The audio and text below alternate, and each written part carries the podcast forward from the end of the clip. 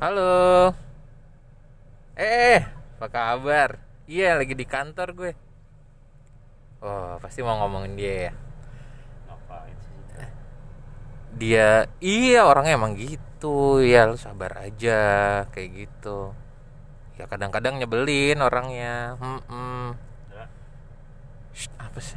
Dra, Iya, dia tuh emang orangnya gitu. kita mau recording ini udah. Eh, tar, tar, tar dulu deh. Nih kayaknya ada yang nguping deh pembicaraan kita. Eh, ya ntar gue telepon lagi ya. Bye bye. Mak, gue kan lagi nelpon. Iya, lu lagi teleponan sama siapa sih? Apaan sih lu tadi gue denger kayak tiba-tiba pingin tahu? Ya kan gue kepo anaknya, gue penasaran Kok pingin tahu? Gue mau tahu Terserah gue dong. Pasti itu Om Broto ya?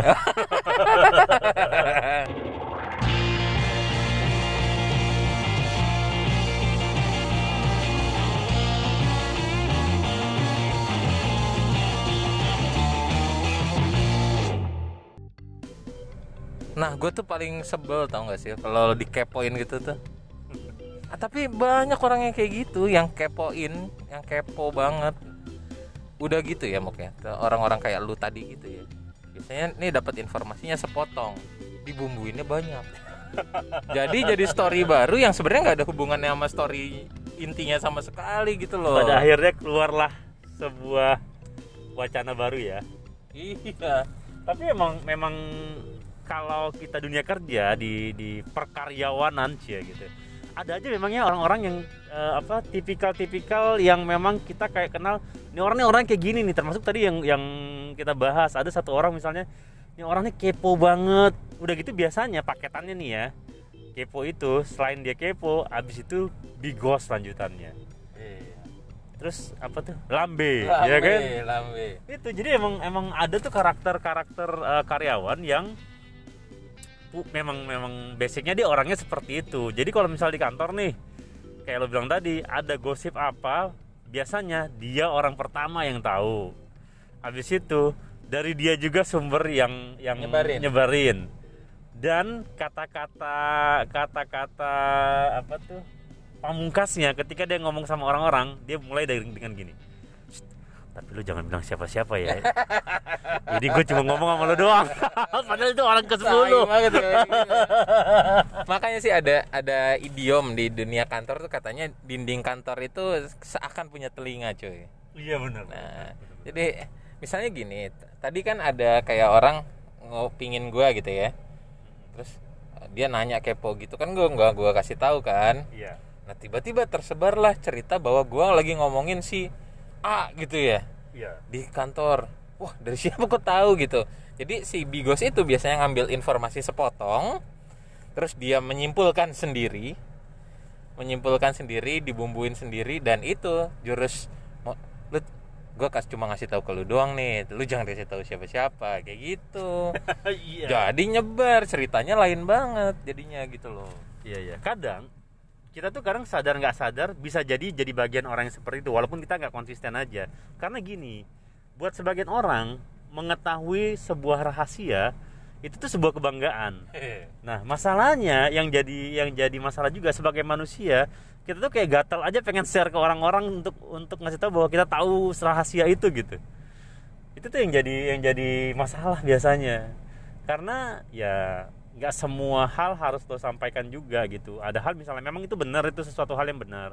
Tapi memang secara konteksnya ya sebaiknya lo jangan sampaikan ke mana-mana gitu. Tapi lo kayak, aduh gue pengen cerita nih ke temen gue gitu. Nah yang parah lagi kadang teman lu bisa jadi nyampein lagi ke orang lain itu jadi Nah. jadi ke mana-mana kan? amplify nah itu yang paling parah itu kalau udah gosip kalau gue ya paling sebel tuh udah ada gosip liar tentang bonus bonus Iya, kenaikan gaji yang kayak gitu-gitu Iya, itu iya. tuh liar banget cuy Iya, iya. wah tiba-tiba gue dapat ini "Ah, lu tau gak sih kayaknya tanggal segini deh di transfernya wah kita kan ngarep-ngarep ya gitu ya Iya, iya. udah iya, terus mukanya meyakinkan gitu Iya. Bukannya tahunya iya kan gue sorry pas pas ternyata hari H yang kita tunggu nggak datang dia cuma langsung ya sorry lah kan gue cuma denger dari ini gitu loh Iya, iya. obrolan-obrolan kantin gitu Iya. Atau atau kadang eh, selain itu juga ada yang kayak eh, naik gaji atau promote. Nah, itu kan sebenarnya kan private ya. Iya. Tapi ketika dia dapat eh, insight gitu, terus eh, di depan umum dia bilang misalnya kayak Cie, yang baru dipromo. kayak gitu maksud gue nih orang-orang kayak gini tuh kan gimana sih tuh kebayang gak sih lo? banget tuh kayak dia gitu dia tuh. dia tahu dulu misal dia memang benar kan faktanya Iya, tapi iya. maksud gue ya udah sih lo ngapain begitu gitu tapi ada ada aja Iya, yang modelnya iya, iya, begitu benar, gitu benar, benar. ini sesuatu hal yang sebaiknya ya you keep by yourself lah gitu Tipikalnya nih, Mok. atau, Mm-mm. Apa? Tipikalnya orang-orang kayak gitu gini. Di mejanya nih nggak bisa diem. Iya, iya, Biasanya iya, main celok ke mana, ada di lantai berapa, ketemu orang bagian apa, gitu loh. Pasti kayak gitu tuh. ada ada berita apa nih hari ini nih Eh, gitu gitu iya, deh. tiba-tiba duduk santai, duduk santai gitu. abis abis itu nggak berapa lama di, setelah hening dia baru ngomong eh lo tau nggak iya udah mulai gitu Dia tuh either uh, mendapatkan informasi atau menyampaikan informasi gitu ya. Iya betul betul Iya, betul, iya. betul. Ya intinya tuh dia memang dia tujuannya ingin menyampaikan eh, informasi ke banyak orang. Nah dengan dia dapat informasi dari luar itu adalah kayak peluru buat dia kan. Iya, Jadi dia punya stok peluru makin banyak makin bagus. Tapi tanpa sadar kita juga akhirnya sering ah, sering bertanya sama dia nih tanpa sadar nih. Betul, Wah betul. sih dia pasti tahu nih gitu Betul, kan. betul.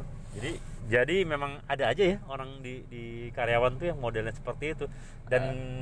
dan ya kadang nyebelin tapi kadang kayak tadi lo bilang kita butuh beberapa hal kan apalagi kaitannya kadang sama kebijakan manajemen kan Iya, iya. Nah, biasanya kan eh misal nih dari OB ya misalnya OB Ah. eh, dimintain fotokopi atau apa kan filenya tuh dapat tuh nah Iya, iya, dia iya. dia nempel ke OB-nya eh apaan tuh mas Iya.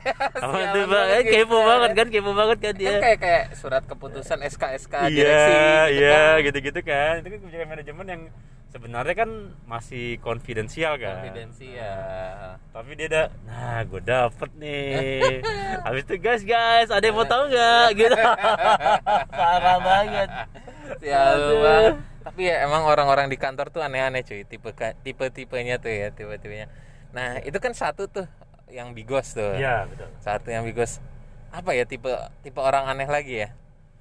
Yang kedua tuh suka ada aja yang ini cuma kalau misalnya dulu zaman lu sekolah kan selalu ada tuh anak yang duduknya paling depan, pinter, kesayangan guru, tapi sekaligus tengil. iya suka ngaduin lu gitu kan. iya betul sampai ke kantor ada loh ini Di kantor ada loh. ada Iya, ada yang kayak gitu. Gak tau gue di teman-teman ada nggak yang kayak gitu, tapi di kita itu selalu menemukan orang yang seperti itu. iya benar Jadi orangnya itu ciri khasnya adalah uh, either pinter atau sok pinter ya mungkin ya. iya Pinter, sok pinter, tapi yang pasti adalah tengil dan Betul. cenderung menjadi quote and quote mata-mata atasan. Ya, ya itu tadi kayak kalau misalnya lo contohin dari zaman sekolah, karena kan memang eh, kasarnya nih, kasarnya eh, dia kan mencoba mendekatin atasan dengan eh apa namanya eh bukan show off, apa ngeblow ngeblow up bahwa dia tuh gue bisa ini, gue jago ini, gue jago ini sampai atasannya tuh yakin gitu kan, Iya, iya, atau iya. seneng sama dia Iya. gitu. Nah, akhirnya dia dapat posisi. Sementara kan nggak semua karyawan mau lah, mau ya. melakukan itu ya, walaupun Iya. mungkin bisa bisa aja gitu. Cuma nggak semua mau melakukan itu. Nah, jadi ketika dia sudah punya kedekatan, nah dia tuh bisa kayak Disuruh. ah bisa jadi kayak spy under Iya. company. Ini ada ada juga yang seperti ini modelnya. Tipe-tipe karyawan seperti ini yang yang merasa dirinya pinter, Iya. kalau meeting misalnya eh, oh enggak pendapat gue kayak gini nggak bisa kayak gitu dong. Oh, Wah, misalnya nah, kayak nah, gitu. ini ini kayaknya ini banget nih, personal banget nih. kok gitu sih Bapak? Begitu bahas tema ini kok emosi sih gitu loh. ya maksudnya tuh gue cuma mau coba berbagi aja kepada teman. Gue gue yakin sebenarnya semuanya tuh pasti punya yang kayak gitu. Iya iya iya. Dan kita rata-rata sebel sama orang begitu. Iya, ya Ya, sebel, gua- sebelnya karena mungkin eh kalau gua sih sebisa mungkin lo jangan betray your apa sih College. college gitu karena kan sama-sama cari duit gitu istilahnya ya Kampus ya college-nya. kolega, kolega cuy, Iya, kolega. kolega rekan sekantor Iya, gitu iya. ya itu kadang sedih juga kalau misalnya ada yang berpikir untuk berhasil harus menjatuhkan orang lain ya sebenarnya kan Iya. nggak harus seperti itu gitu Ya meskipun itu cara yang efektif sih. cepat Cepat. tapi kurang tepat sih kalau gue bilang Ya ya secara ini kayak apa ya menghalalkan segala cara gitu. betul betul. Nah nah, memang memang orang-orang yang seperti ini tuh kadang dia eh, menikmatin di posisi itu karena mungkin Ya, person personalnya ya pride-nya tinggi. Jadi Oke. emang dia emang secara harga diri emang wah gue emang levelnya emang di sini gue posisi gue gitu. Nggak bisa tuh biasa-biasa aja tuh nggak nggak bisa, bisa gue biasa-biasa aja gitu. Jadi emang ya itu ada yang di situ. Iya. ya kayak inilah ya kayak bener-bener kayak anak yang nyebelin di kelas gitu iya bu ada yang nggak ngerjain PR namanya moko kayak gitu kan Enggak, enggak gitu. Harusnya gini. Eh, ini kan ini kan kelas pada hening semua nih, ya kan? Gurunya iya. gurunya baru masuk terus tiba-tiba dia bilang, "Bu, kita ada PR loh, Bu." Ini sialan banget tuh kayak gitu Sementara tuh banyak yang belum ngerjain Banyak yang kan. belum ngerjain. Ini kampret banget. bu kita bisa nggak bahas PR-nya bu Iya gitu. Sial. Aduh. Padahal bu gurunya kan- lupa tuh Iya, gurunya udah lupa kan. Aduh. ya. Males banget tuh. Yang, yang kayak gitu mak- makanya jadi kayak eh, public enemy kan. iya tapi apa harus begitu ya? Maksudnya kalau di anak SD oke lah. Tapi ini di di kantor gitu loh. Iya. di kantor loh jangan apa ya? Atau jangan-jangan kalau emang dia di kantor begitu dulu SD-nya dulu iya itu dia. kayaknya kayaknya gitu sih. Kayaknya ah udah ini mah born to be tengil sih gitu. Tapi emang lucu sih orang-orang yang kayak gitu ya yang apa? Yang kok kayaknya menurut gue ya kerjaan aja udah sibuk ya ini orang melakukan extra effort gitu Iya. untuk mendapatkan apa mendapatkan keduduk, kedudukan apa mendapatkan kepercayaan atasan dengan cara-cara yang gitu itu kan effort banget nggak capek apa ya gitu-gitu ya udah dimusuhin lagi sama teman-teman nggak diajak makan pasti kan ya itu nggak tahu juga gue makanya emang memang eh apa nih istilahnya fenomena-fenomena yang kayak gini tuh ada aja di kantor-kantor dan Iya. biasanya teman-teman kantor kalau ketemu sama orang kayak gini biasanya jaga jarak sih umumnya ya. Iya, karena ya paling tapi kan kita di kantor tuh nggak kayak di sekolah gitu kan. Kalau di kantor lu suka nggak suka lu hire di sini digaji ya lu harus kalau misalnya ada project bareng lu harus jalanin gitu. Nggak nggak ada pilihan lu harus menjauh atau gimana. Ketika emang lu dipaksa ada pekerjaan yang mengharuskan lu jalan bareng sama orang ini ya lu harus jalan gitu. Iya. gitu Eh, biasanya ngelapor bu ada yang eh di celana gitu kan bu intinya mengesalkan lah ya jadinya mengesalkan ya ya ya, ya. nah itu yang ngeselin mok tapi ada ada lagi nih Mok, apa tipe nih ya Hmm. tipe apa tadi contekannya mana oh, hehehe. nah ada lagi tipe-tipe yang ini mungkin jadi kalau tadi public enemy kalau ini public darling ya betul. public darling yaitu orang-orang pasti ada di kantor lo orang-orang yang selalu siap sedia untuk menggerakkan masa ya ini ini apa bisnis demo bayaran itu demo bayaran. Jadi yang nyediain nasi bungkus. Nasi bungkus apa mobil pick up sama speaker Kopaja. sama kopaja gitu. Nah di orang yang tipe ini nih eh, karyawan yang tipe ini itu biasanya kalau misalnya karaoke yuk karaoke yuk karaoke yuk Iya, tanggal segini iya. yuk gitu jalan yuk jalan yuk jalan jalan, yuk dan biasanya Ya. jalan tuh jadi jadi kayak gitu tuh nah orang-orang yang tipe gini tuh apa ya eh, biasanya juga disenengin sama atasan karena dia bisa membawa kohesivitas ya apa ya membawa rasa kebersamaan berat banget sih rasa kebersamaan di kantor gitu Iya benar benar benar. Jadi emang biasanya orang orang-orang ini dia tuh kayak eh, temennya banyak idenya banyak, kreatif, habis itu eh, udah pasti temannya banyak karena tadi lo bilang kan Ya. dia eh, apa tadi apa darling lo bilang? apa public darling Oh public public darling. Jadi emang karena dia berusaha untuk mengakomodir eh, kesenangan banyak orang gitu Hmm. ya kan sesuatu yang fun kayak orang kantor kan biasanya kayak makan malam bareng di luar nongkrong bareng ngopi bareng atau Karaoke. karaoke bareng eh apalah atau jalan-jalan bareng kegiatan kan ada aja tuh di Ya, luar ya, kantor ya. misalnya jadi konteksnya kalau orang ini biasanya memang bukan terkait kerjaan ya tapi lebih ke fun fun moment aja Iya iya iya. Oh tapi kadang-kadang juga terkait kerjaan mau kayak misalnya eh, manajemen ini dia percaya sama dia buat ngatur misalnya outing kantor Ya, atau gitu. gathering apa gitu. betul betul betul betul betul betul Ya, kayak gitu-gitu kan karena dia dianggap bisa mengerti keinginan orang banyak Iya, gitu. iya, iya, iya. Dan orang juga nggak akan pasti jarang juga kan marahin dia misalnya dia bikin acara terus nggak seru gitu. iya, Terus iya. dimarahin kan enggak gitu loh karena Iya. orangnya baik orangnya rame gitu loh Iya betul betul. Ya emang memang di ya di kantor emang ada juga orang seperti ini dan gue yakin kayak karena gini biasanya ya eh, kalau di kantor eh, kalau konteksnya adalah kegiatan yang di luar kegiatan kantor harus ada yang gerakin untuk bisa jalan-jalan. Misalnya eh, di luar kan kalau misalnya jalan orang karyawan kantor rame-rame eh, itu kan outing kantor biasanya emang orang eh, kantor yang ngadain gitu makanya bisa jalan bareng. Tapi kalau misal di luar itu biasanya harus ada penggagasnya. Nah orang ini biasanya penggagasnya nih buat eh, hura-hura informal nah hura-hura informal tadi. Jadi jalan-jalan eh, atau kita apa bikin kegiatan apalah gitu. Nah itu biasanya orang ini yang bikin. Orang ini tuh juga sama sih kayak si Bigos biasanya tuh mencolok-mencolok ke mana-mana tuh kalau habis Iya. kalau misalnya jam-jam kerja udah selesai udah mepet-mepet Iya, mau pulang iya. dia jalan ke mana Iya. gitu ya Tapi beda, beda tujuannya. Beda tujuannya. Karena kalau dia lebih ke sosialisasi aja. sosialisasi orangnya mungkin ada kaitannya sama ekstrovert ya biasanya kalau kayak gitu Iya, iya benar, benar. Dia dia seneng ber, bersosialisasi dengan banyak orang Iya, modelnya. iya, iya. Nah tapi juga kadang ya orang tipe ini gue sering lihat ada kasihannya juga mok. Jadi dia itu sering dijadiin bumper buat ngomong ke atasan, ngomong ke Oh, bos-bos iya, gitu loh.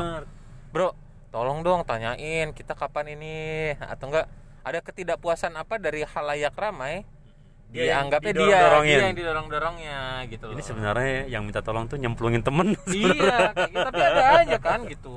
iya, udah, udah, udah. Soalnya bos-bos juga suka kan sama dia, jadi nggak mungkin Iya. nggak mungkin ini juga nggak Iya. Ditolak langsung gitu ya maksudnya Iya. Kadang memang eh, gue di luar konteks sih cuma mau ngomong faktor like dislike tuh yang mengaruh banget ya. Maksud gue kalau Iya. misalnya lo eh, karyawan yang image-nya itu kurang disenangi atasan gitu. Terus lo mencoba memberanikan ngomong ke atasan konteks yang sebenarnya itu sensitif. Lo maju tuh lo ngomong kena semprot pasti lo cari Iya, gara-gara. iya, iya. Tapi kalau misalnya yang ngomong adalah orang yang disukai oleh atasan, aman gitu posisinya, ya harusnya atasannya walaupun misalnya nggak mau jawab, tapi lebih friendly gitu loh Iya, iya, ngomongnya gitu, nggak perlu dia marahin atau gimana. iya ya kalau gua kan bukan sosok yang disukai atasan ya karena datang ke kantor nggak pa- pakai baju nggak pakai celana gitu kan. Pakai boxer sama, sama kaos kaki. Ya, nggak ada sepatunya. sama pakai helm ke kantor pakai helm Sesuka aja. sukanya oh, jadi atasanku kurang suka sama orang-orang kayak gue gitu Iya. Pas ditanya pertimbangannya kenapa kurang suka? Ya dia gila. gitu. Masa ke kantor pakai Sarap. sama helm. Sarap dia. Karyawan apa itu? Masa bapak masih nanya sama saya kenapa nggak suka sama dia? gitu. karyawan sarap Nggak coba. ada nggak tipe karyawan yang sarap gitu nggak Iya, ada sih ada lah. Karyawan sarap nggak bisa tapi ada mok dulu mok jadi emang di kantor kita yang lama Heeh. itu ada orang kalau lu tahu nggak ceritanya ya jadi si orang ini sebut aja Mas Y namanya Heeh. Mas Mas Heeh. dia tuh mungkin ada gangguan apa ya gangguan mental cuy Heeh.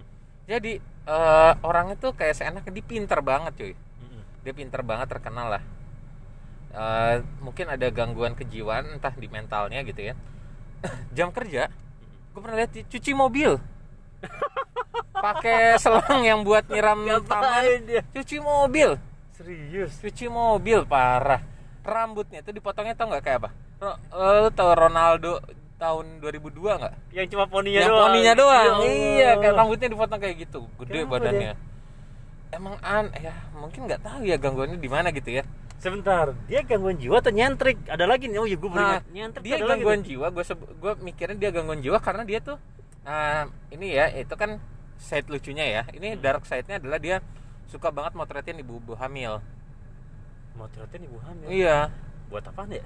ya gua nggak tahu tapi emang dia tuh fetishnya itulah kayaknya gitu loh semua orang tahu Oke, oke. gitu Jadi Nah. di situ ada sisi horornya jadi Ada sisi horornya. Kalau dia bisa lagi, lagi jam kerja cuci mobil sih seru sih. iya orang dia bikin pernah bikin analisis eh, saham dengan analogi-analogi yang aneh analoginya wortel lah apalah kelinci dan dan wortel jadi emang orangnya nyentrik sih gitu Ya, gangguan sih gangguan itu.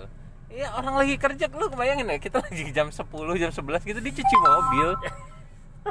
Kan gokil. Itu mas-mas ya? Mas mas habis itu sambil nyiram-nyiram mukanya pakai selang gitu ya sama Enggak, busa-busa gitu. Dia pakai- kaos kaos daleman yang putih itu loh kayak Ya jadi kayak driver gitu loh tapi dia nyuci mobil.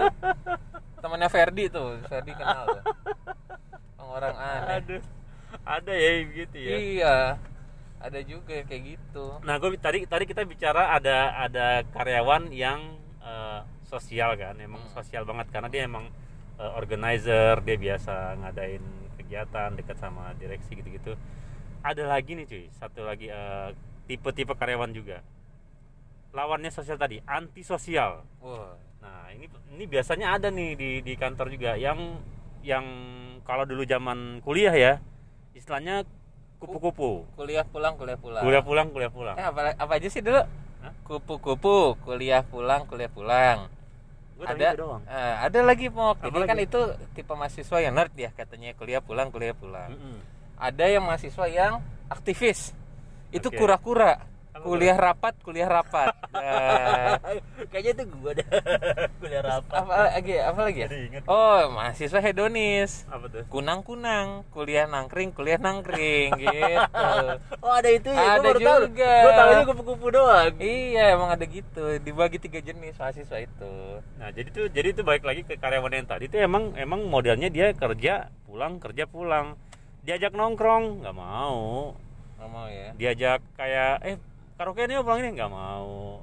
Eh, atau makan Atau- siang iya, seringnya ngebekel atau enggak mesen makan di atau mesen gitu makan di ya. ruangannya atau kalau kalau makan siang nggak mau di jam yang lagi rame di pantry udah sepi di awal atau di akhir baru makan kayak gitu gitu tuh itu ada tuh yang kayak gitu gue gue banget sih itu Bang. galau banget lah Lu gua kan tuh berisik. antisosial. Oh, lu tanya teman-teman di kantor gue yang baru gue antisosial oh gitu loh orangnya lo tuh. lo yang suka dibully ya di kantor sana iya ya? iya ya gitu. Eh jangan sok kecakapan. Gitu eh tapi sebenarnya sebenarnya eh, kalau gue lihat eh, tipe karyawan yang yang ini yang antisosial ini sebenarnya nggak selalu dibully juga karena Ya, mungkin dia tuh eksistensinya tuh kadang suka di apa ya? Antara ada dan tiada. Nah. orang tuh kayak mikir ah ada dan gak ada juga nggak nggak ngaruh apa apa jadi ngapain gue harus ngebully dia gitu. Kadang kan kalau yang dibully itu yang memang posisinya tuh kelihatan gitu loh. Iya, iya, iya. mengancam gitu. Nah kayak dibully sama sama tim yang lain. Kalau ini jadi kalau ini lebih ke ya memang dia ada tapi dia tidak ada. Antara ada dan tiada. Jadi harusnya orang tipe begini bisa kita masukin ke yang podcast horor itu mau episode horor. Tahu-tahu ada gitu di belakang gitu. Iya. Mas Moko serem mending biar mending ngomong pas lu ngebalik tiba-tiba ada gitu di belakang Iya. tapi orang orang kayak gitu tuh biasanya nggak tahu ya itu berhubungan dengan ini tertentu nggak sih itu kan orang yang introvert ya katakanlah Iya, secara introvert ya. secara general adalah karakteristiknya intro- introvert Iya. itu bisa ada kaitannya dia cocok sama jenis pekerjaan tertentu ya kayaknya ya Iya ya betul. misalnya pekerjaan kayak gue nih sekarang nih ya gue nih ya Iya. gue kan orangnya ya cukup eh, suka ngobrol gitu ya sama orang Hmm. ketika gue harus pakai zoom ketika gue harus meetingnya online atau Jauh-jauhan ya. eh, eh, pakai email wah itu gue nggak suka gue nggak nyaman gitu loh Hmm. sekarang nggak bisa nongkrong itu gue merasa sesak nah Ya. orang yang kayak gitu mungkin justru seneng ya Iya betul betul gue setuju sama lo. Jadi ada emang- di kerjaan yang di depan meja tok gitu ya Betul, di ruangan betul, tersendiri betul. ngadep tembok gitu ya nggak nggak mungkin juga kalau misalnya kayak orang yang kayak ini tuh jadi kayak divisi marketing. Karena lo kebayang nggak kalau misalnya emang dia jadi divisi marketing? Orangnya pendiam malas ngomong. Iya, terus ke iya. klien selamat pagi pak. Pagi mbak. Pagi mas Ma- mas udah mas mas ke sini mau ngapain kliennya bingung ada gangguan sinyal ya mas Iya. dia cuma diam aja Diem aja nggak pas aja mau ke sini cuma mau diam doang kan gitu kan nggak nggak Iya. cocok gitu Iya, orang kayak gitu tuh, mau kalau di Zoom meeting selalu yang videonya dimatiin. Iya Iya, bener. dia males dia, males dia. Bener. Iya, iya. Either malas atau emang malas mandi juga gitu. Tapi ada kok orang-orang yang ini, orang-orang yang suka gini. Kayak bini gue tuh termasuk mau. Dia nyaman banget di kondisi ini mau. Seneng ya? Ada di rumah doang gitu. Gak ketemu banyak orang tuh seneng dia. Iya iya. Iya Iya ada sih, ada sih. Em- Memang itu makanya di kantor itu dia lebih memilih kayak memang menghabiskan waktu dengan dirinya sendiri dan dunianya maksudnya kayak pekerjaannya kayak apa yang dia bisa lakukan sendiri gitu. Itu itu ada di kantor. Dan memang kalaupun kita udah ngajak ya bisa jadi dia uh, menolak dengan halus. Artinya kan ini Iya, kan iya. kita nggak lihat sisi negatif ya. Cuma maksud gue memang karakter orangnya aja yang seperti itu gitu di di kantor itu. Tapi mau kita pernah loh punya bos yang sebenarnya orangnya kayak gitu. Hmm. Ya kan? Ingat nggak? Pendiam ya jadi pendiam. Pendiam orangnya susah ditebak kan tapi habis itu nyelek. Tapi abis itu marah gitu. Tahu-tahu marah kan bingung. Iya, iya, kita iya. nggak tahu salahnya. Aku salahnya aku di mana?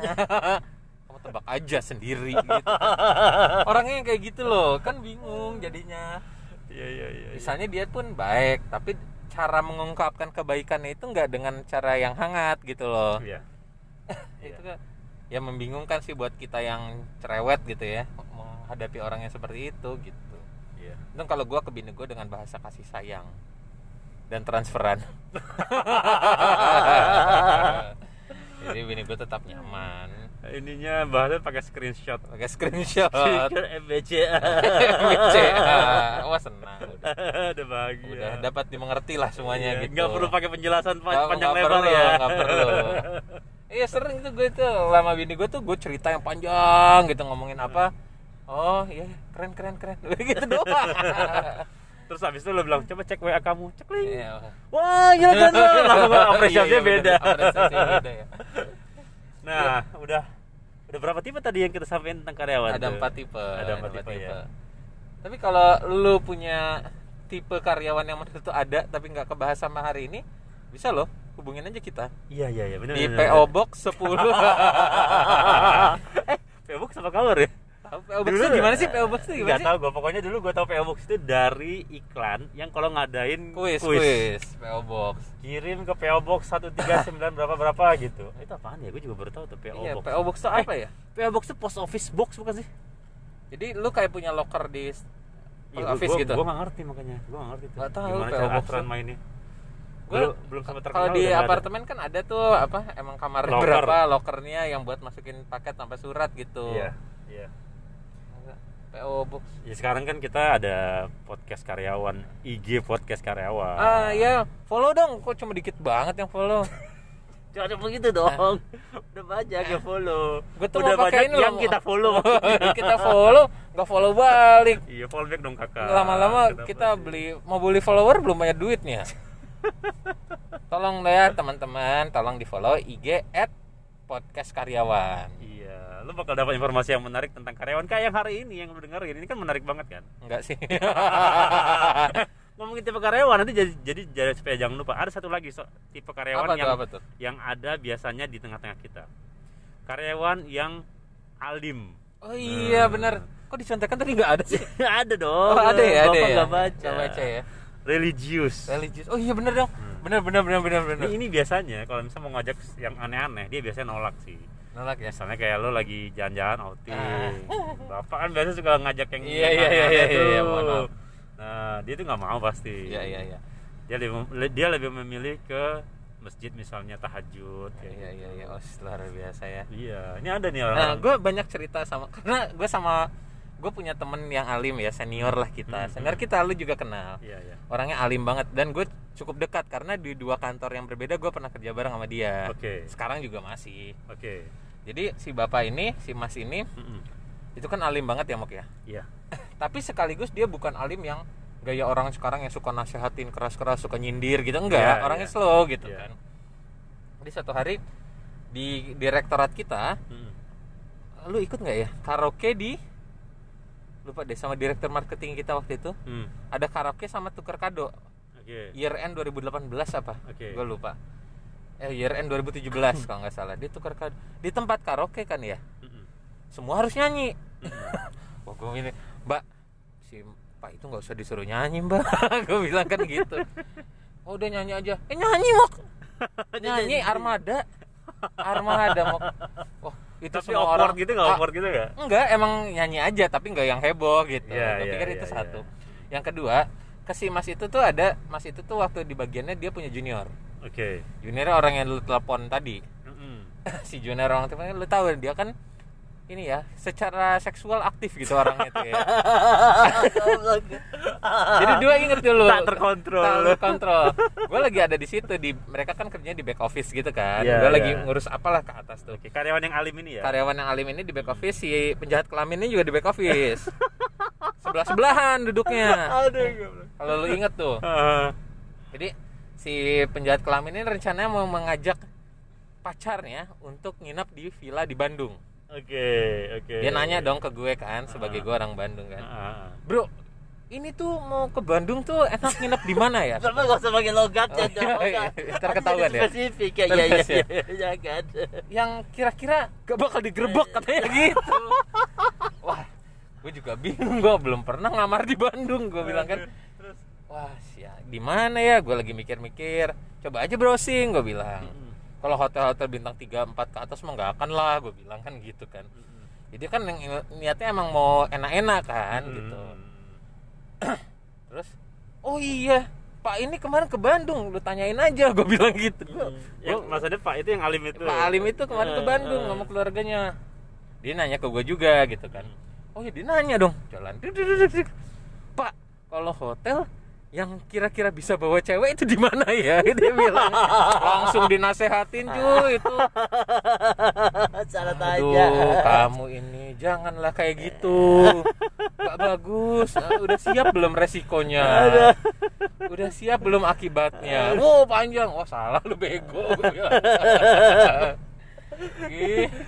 Ya itu emang emang seru juga. Kita punya teman yang alim itu maksudnya sebagai pengingat juga. Iya, Karena iya, kita ya sebenarnya karyawan itu walaupun secara usia udah dewasa tapi tetap butuh kesenangan kesenangan gitu loh. Yang tapi ke sana ke sana yang anak-anak kadang-kadang kekanak-kanakan kadang-kadang gitu kadang-kadang kan bener bener. Tapi si Mas itu nggak sealim yang kita sangka maksudnya dia punya sisi fun juga.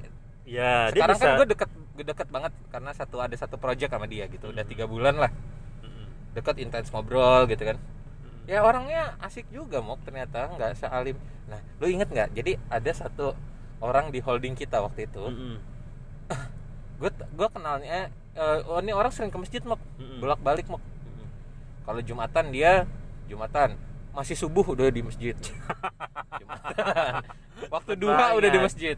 Cepet banget. Terus eh, rajin lah ke masjid ikut sempat ikut lomba cerdas cermat di masjid kita juga. Oke. Si orang itu kan. Tapi gue tuh ke- selalu dia tuh selalu ketawa kalau lihat gue dan gue ketawa lihat dia kalau ke Hmm. masjid kenapa? Karena gue itu kenal dia waktu kita outing di Hmm. Bali pertama kenal. Kenalnya di mana di Lava Vela gue kenal dia di Lava Vela yang Lava Vela yang gue mabok itu loh gue cerita. Iya, yang gue iya, malu juga. Iya iya. itu orang kan ada di situ gitu. minum juga joget juga.